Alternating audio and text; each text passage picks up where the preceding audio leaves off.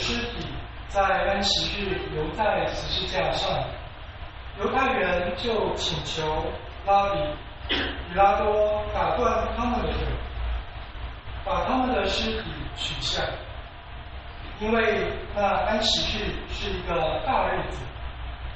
士兵前来，先把那与耶稣同钉在十字架上的那两个人的腿都打断了。最后，他们来到耶稣跟前，看见他已经断了气，就没有打断他的腿。但是，有一位士兵用长枪刺透了他的肋旁。立刻就有血和水流出来。那看见这事的人就作证，而且他的见证是真实的。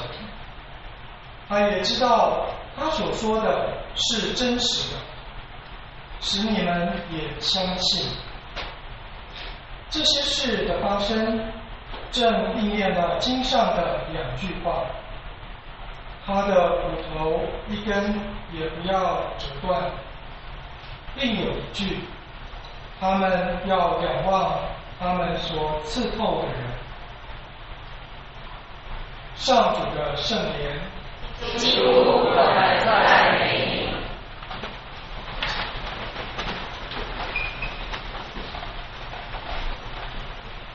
今天我们普耶稣圣经堂庆祝堂庆。也是天奥神父跟我的守敬三，感谢本堂的雷神父，给我们这个宝贵的机会来表达对耶稣圣心的感恩，以及对大家的感谢。呃，尤其是昨天进博的参会，大家的筹备跟服务，使我们深深的感动。过去天奥和我。在本堂服务，因着本堂的弟兄姐妹对我们圣招的鼓励、陪伴与祈祷，是我们从你们身上学习到如何活出耶稣圣心的爱情，在你们的身上学习怎样彼此相爱。我们感谢天主，也感谢你们为我们树立了爱的榜样。今天我们庆祝耶稣圣心节。也就是颂扬耶稣圣心对我们的爱情，还有他所带来的救赎恩宠。耶稣圣心的敬礼，源自于教会对于耶稣苦难还有耶稣圣山的敬礼，尤其是耶稣的乐山，他那为我们洞开的乐山，成为我们罪人的避难所，还有恩宠的泉源。我们最熟悉的耶稣圣心敬礼，源自于十七世纪，耶稣显示了他的圣心给法国往建会的玛加丽大修女。她渴望人们回应她那颗爱人至深的圣心。耶稣的圣心的爱，源自于天主对我们的深情大爱。我们可以从第一篇读经。细细的去体会天主那爱我们的心。第一篇读经说，以色列尚在童年的时候，我已经爱上了他，我把他当做我的儿子，是我教导的布伯拉迈布，好像庄地抱着他们，用仁慈的绳索，用爱情的带子牵着他们。我对他们好像慈亲高举婴儿，微贴自己的面颊，我俯下身子喂养他们。波瑟亚先知以父母的疼爱教导自己的孩子的这种图像来描述天主对以色列子民的慈爱。即使说以色列子民他们对天主忘恩负义，不遵守天主的诫命跟盟约。去敬拜邪神，就像无知的孩子，有时候会不理父母亲的管教，父母亲的爱。但是天主对他的子民仍然忠信到底。尤其先知用仁慈的绳索来表达天主跟以色列子民之间那份亲密的爱情。仁慈这个字，它的字根有母胎的意思，所以它表达了天主跟以色列子民犹如母亲对待子女那般血浓于水的关爱跟怜爱。天主对人的爱，也具体的展现在降生成人的天主圣言耶稣身上。耶稣他宽恕怜悯罪人，医治病人。亲近被社会所遗弃的人，向他们宣布天主的仁慈，还有天主的救恩，完全的表达天主跟人在一起。甚至在他临终的末刻，他仍然宽恕又道，鼓励他，并赐给他乐园的许诺。耶稣死后，士兵用长枪刺透了他的肋旁，流出了血和水。若福音的作者作证说，这些事的发生正应验经上的话，他们要仰望他们所刺透的人。耶稣的旁流出的血和水，到底应验了先知什么样的预言？有位圣经学者，他指出，在杂加利亚先知书第十二章提到说。我要对达卫家和耶路撒冷的居民请助怜悯和哀悼的神，他们要张望他们所伺候的单位。在第十三章又提到说，在那一天，为达卫家和耶路撒冷的居民将要开放一个水泉，为洗涤罪过而不洁。撒加利亚先知他神秘的预言莫西亚。将受难被刺透，因此耶稣肋旁被刺透，满全了先知的预言。此外，耶稣的肋旁流出了血跟水，又让我们想起在公元一世纪左右，在耶路撒冷圣殿，尤其是在逾越节的这个祭献，在逾越节祭献的时候，司祭要把牺牲的血。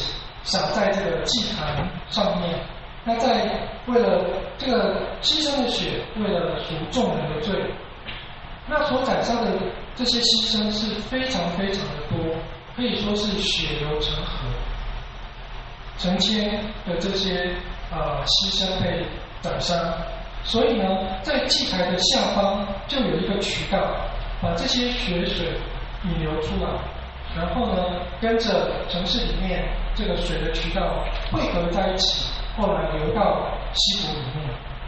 所以这样子的景象，当《约翰福音》的作者看到耶稣的这个肋旁被刺透，流出血和水的时候，他看到这是真实的。他看到耶稣在十字架上的牺牲，肋旁所流出的血和水，满全了扎加利亚他的预言。将开放一个水泉，为了以除罪过跟不洁，也实现了圣殿宰杀千万的牺牲为除罪的这个预象。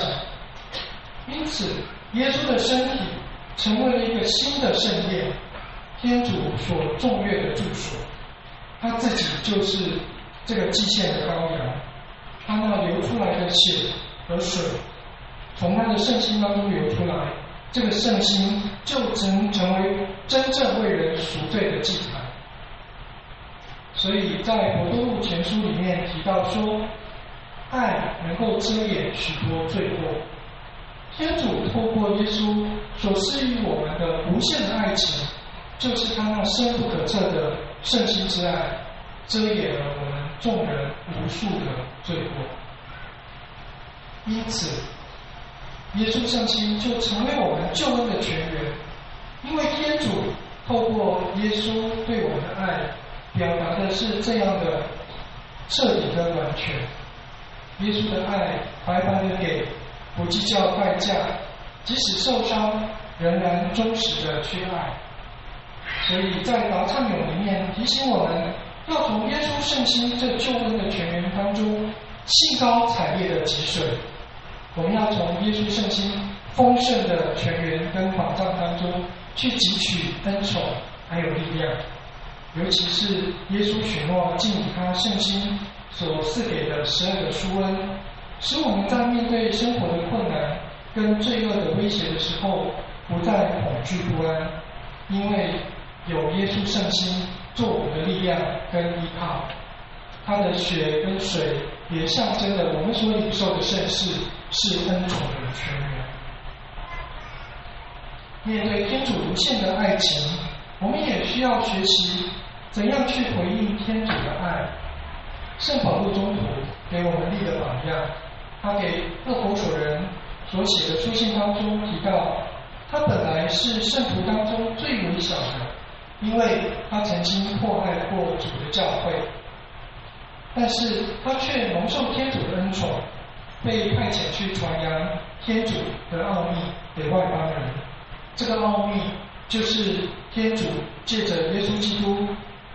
实现了他永恒的计划，也就是我们只有在耶稣基督内，我们对着耶稣的性格，我们才可以放心大胆的去亲近天主。圣保禄中途他皈依后，领悟了耶稣圣心是怎样的长、阔、高、深，因此他努力的效法基督，回应天主的恩宠，一生传扬主的福音。以爱广爱，最后他体验到他的生活不再是他的生活，而是基督在他内的生活。同样，我们也可以效法耶稣圣心的爱，彼此服务，彼此为大家的好处牺牲奉献。我们心中的爱也会像耶稣圣心的爱一样流溢出来。去滋润我们身边的弟兄姐妹，因着彼此相爱，我们反映出耶稣的面容，效似他的圣心，别人也能够因此认出我们是基督的门徒。